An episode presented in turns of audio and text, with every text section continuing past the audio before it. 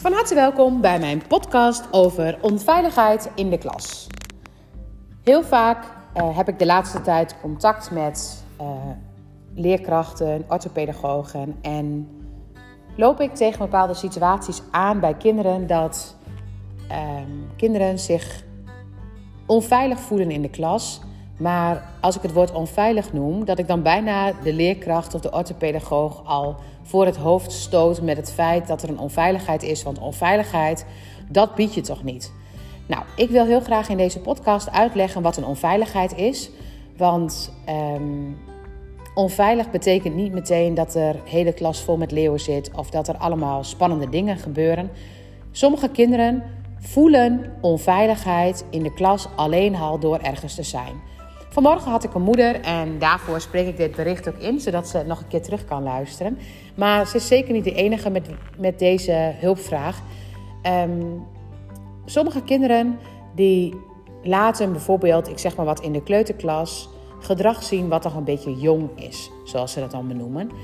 Uh, gedrag waarbij ze nog niet heel goed zich kunnen aanpassen. Of gedrag waarbij ze niet heel goed snappen hoe bepaalde dingen lopen en er dan van uitgaan dat ze dat elke dag zijn. Bijvoorbeeld, stel je voor, je bent uh, vandaag hulpje, uh, dan ben je dat morgen in principe niet. Maar voor sommige kinderen is dat bijna niet begrijpelijk en die vinden het hulpje zijn zo leuk dat ze bijna zich daaraan vasthouden en niet kunnen begrijpen dat het misschien vandaag dan niet zo is. Wat meteen al ochtends voor een bepaalde onrust zorgt. Nou, als je kijkt naar onveiligheid. Um, ik weet zeker dat heel veel mensen hier bij mij binnenkomen de eerste keer en zich dan onveilig voelen. Want als je ergens binnenkomt, dan is het helemaal niet vreemd dat je je dan eerst nog niet helemaal op je gemak voelt. Als je op een verjaardag bent, ik, als ik zelf op een verjaardag ben, dan voel ik mij vaak ook onveilig. En helemaal niet dat ik dan met angst en beven daar naar binnen ga, maar meer dat ik een beetje op mijn hoede ben, een beetje scherper ben, misschien wat sneller in de aanval ga of wat sneller vlucht of misschien wat sneller verstar, dat ik niet helemaal voel hoe het met me gaat. En dat vechten, dat vluchten en het verstarren, dat hoeft dus niet meteen met grof geweld te gaan. Dat je dan gelijk uh, alles als leeuw ziet en daarin tekeer gaat. Of alles als vluchtstrategie moet zien en direct, uh, of ja, direct moet gaan vluchten voor zo'n leeuw. Of meteen in de verstarring zou moeten gaan. Maar het kan ook af en toe gewoon een klein beetje gebeuren, omdat je in een alerte situatie bent. Stel je voor, je gaat naar een dokter en je bent in de wachtkamer. In de wachtkamer zijn veel mensen die in een reptiele brein zitten. Als je um, naar een verjaardag gaat en er zijn veel mensen en je houdt zelf niet zo heel erg veel van een grote groep met mensen, dan zit je waarschijnlijk in het reptiele brein op het moment dat je daar bent. En als je een sollicitatiegesprek hebt, dan zit jij bij het sollicitatiegesprek een grote kans in het reptiele brein. En als jij iets nieuws moet doen, als ik stel je voor, ik moet bij iemand aan huis en ik ben daar nog nooit geweest, dan moet ik me even voorbereiden. En alleen al die extra voorbereiding die ik ga doen, dat is al een beetje in het reptiele brein een soort van op je hoede zijn. Je klaarmaken voor wat er gaat komen, omdat je graag je wil voorbereiden. En iedereen doet dat. Iedereen die maakt als je in een nieuwe situatie gaat, als je bijvoorbeeld op vakantie gaat, je maakt jezelf klaar voor hetgeen wat je gaat doen. En je bent een beetje in een alertere situatie. En je bent misschien wat korter voor de kont. En je bent misschien wat uh, onrustiger. En dat bedoel ik dus ook met kinderen in de klas. Sommige kinderen voelen het thuis bijvoorbeeld als heel veilig en op school is dan spannend. Sommige kinderen zijn er natuurlijk ook al onveiligheid van thuis, kennen ze. Maar heel veel kinderen hebben niet eens de onveiligheid van thuis, maar die vinden het gewoon spannend als ze buiten de deur zijn.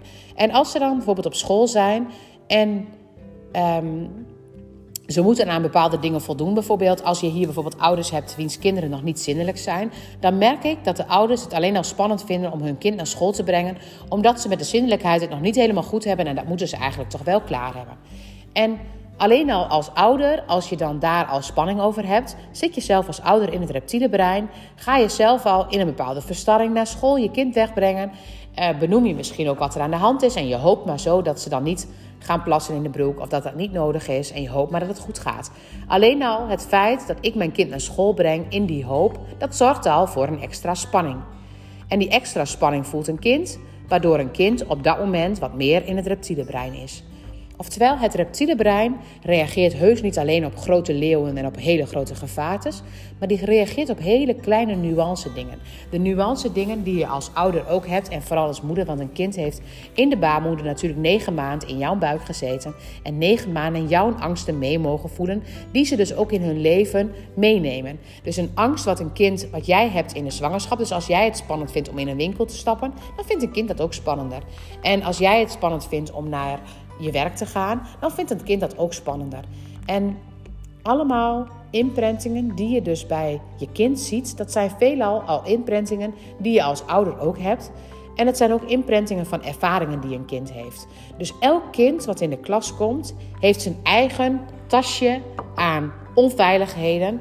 En die onveiligheden komen ze dagelijks tegen. Want sommige kinderen vinden het verschrikkelijk onveilig om in een groep te zitten. Dus in een kring te zitten. Oftewel, die gaan in hun reptiele brein het moment dat zij met z'n allen in de kring zitten. En die zijn dan alert.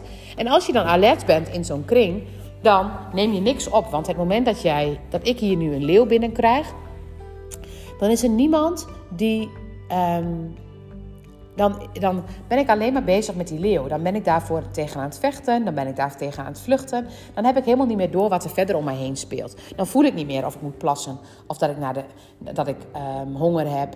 Of hoe ik empathisch kan reageren op een ander kind. Dan lukt het me ook echt niet meer om iets te gaan onthouden van wat er langskomt.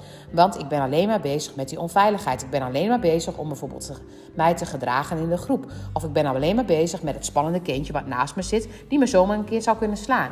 Oftewel, onveiligheden in een, uh, in een klas zijn soms onveiligheden die je helemaal niet doorhebt. Wat ook een leerkracht. Je ziet heus wel dat een kind zich nog niet helemaal vrij voelt. En eigenlijk als een kind zich niet helemaal vrij voelt, dan bedoel je te zeggen dat een kind op dat moment nog een bepaalde onveiligheid voelt. En die onveiligheid, dat is hetgeen wat, um, nou, wat belangrijk is om te zien. Want op het moment dat je dat ziet, dan kun je een kind daarmee helpen. Nou, dit jongetje wat ik vandaag zag, of nee, waar ik, waarvan ik de moeder vandaag sprak om samen eens door te nemen hoe we um, dit jongetje kunnen helpen, loopt tegen bepaalde motoriek dingen aan. En als je naar motoriek kijkt, dan lukt het alleen om goede motoriek te leren als je ontspannen bent. Want op het moment dat ik uh, bijvoorbeeld op de step moet gaan spelen... en op het moment dat er een leeuw om mij heen is... dan lukt het me niet om compleet met de balans bezig te zijn. Dan is het, ben ik veel meer gericht op al het spannende. Dus een kind wat een bepaalde onveiligheid in zijn systeem heeft... heeft veel meer moeite om een bepaalde motoriek zich eigen te maken. En op het moment dat hier een leeuw binnenkomt en ik ben een boek aan het lezen en die leeuw die is hier, dan lees ik echt geen letter meer in mijn boek en onthoud ik al helemaal niet wat ik nog gelezen heb, want mijn hoofd kan op dat moment niet onthouden, want die is bezig met een onveiligheid. Dus kinderen die zich onveilig voelen, die kunnen niet tot leren komen. En die kunnen vooral niet goed automatiseren. Ze kunnen heus wel iets leren. En het is ook niet een onveiligheid van een grote leeuw. Maar het is onveiligheid van kleine situaties achter elkaar. Waar ze heel makkelijk steeds in de alertheid zijn en op hun hoede zijn. En als je steeds in de alertheid bent en op je hoede bent, dan lukt het niet om um, om jezelf dingen eigen te maken, om dingen te automatiseren. Je hoofd kan pas automatiseren als je je veilig voelt. Dus wat ik bij dit jongetje zou adviseren is de veiligheid weer terugkrijgen. Welke situaties zijn spannend voor hem en hoe kunnen wij die situaties veiliger voor hem maken? Als een kind bijvoorbeeld dingen op het schoolplein spannend vindt, zoals bijvoorbeeld schommelen of bijvoorbeeld um, spelen met een bal, dat hij daar nog een beetje onhandig in is, dan is het voor een kind fijn om dat te kunnen. En op die manier maak je de situatie veiliger. En het moment dat een kind spannend vindt om met kinderen te spelen, met andere kinderen af te spreken, dan is het belangrijk om speelafspraakjes te maken om daar een bepaalde um, handigheid in te krijgen bij deze kinderen. Oftewel, onderzoek welke situatie voor een kind spannend is en hoe kan je die situatie zo veilig maken dat een kind daar een veiligheid in gaat voelen en zich daar ook in kan ontwikkelen. Dus hoe meer van dat soort veilige momenten je creëert, hoe makkelijker het voor een kind gaat worden. Dus in deze situatie ga ik eerst eens kijken, um, heb, heb, ik met de moeder heb ik, um, doorgenomen hoe het reptiele brein werkt. En daarvoor spreek ik dus ook dit bericht nog even in. En het moment dat je weet hoe het reptiele brein werkt en als je weet dat een kind eigenlijk de dingen die ze liet weten, dat het allemaal situaties zijn van onveiligheid, dan gaat het erom om stapje voor stapje de veiligheden erin te brengen. Om het kind steeds makkelijker zich veilig te laten voelen. En dat kan dus alleen al als bijvoorbeeld een kind in een kring het heel spannend vindt, door een kind aan de buitenkant van de kring te zetten. Of door steeds in de gaten te hebben, naast welk kind voelt het kind zich veilig. En als ik een kind dus wat vaker in die veiligheid zet, dan kan die zich ontspannen. En als hij gaat ontspannen, dan gaat het steeds makkelijker worden voor een kind. En dat is ook met cijfers en met letters leren. Het moment dat je een te hoge uh, vraag hebt, dat een kind te veel moet kunnen, of als een kind het gevoel heeft dat hij um, bijvoorbeeld een oefeningetje krijgt wat een beetje lastig voor hem is, dan kan het best wel zijn dat het brein alleen al in de spanning gaat of in het reptiele brein gaat, puur doordat hij een briefje voor zich heeft liggen. En wat als een kind het wel kan, dan wordt het al veel makkelijker van. Dus dan krijg je al een bepaalde ontspanning. Dus die onveiligheden, die zorgen ervoor dat een kind in het vechten en het vluchten en het verstarren gaat. En eigenlijk welke diagnose je ook naar kijkt, als je naar ADHD kijkt, naar autisme kijkt, naar ODD kijkt, naar welke vorm dan ook maar, dat zijn allemaal aandoeningen die, waarbij het reptiele brein meer in actie is. En als je weet dat het reptiele brein meer in actie staat, is er maar één ding wat nodig is. Zien wat is een leeuw voor dit kind. En op het moment dat je weet wat een leeuw voor dit kind is, dan kan een kind door middel van ondersteuning van dat stukje ontspannen en steeds minder in het reptiele brein vertoeven.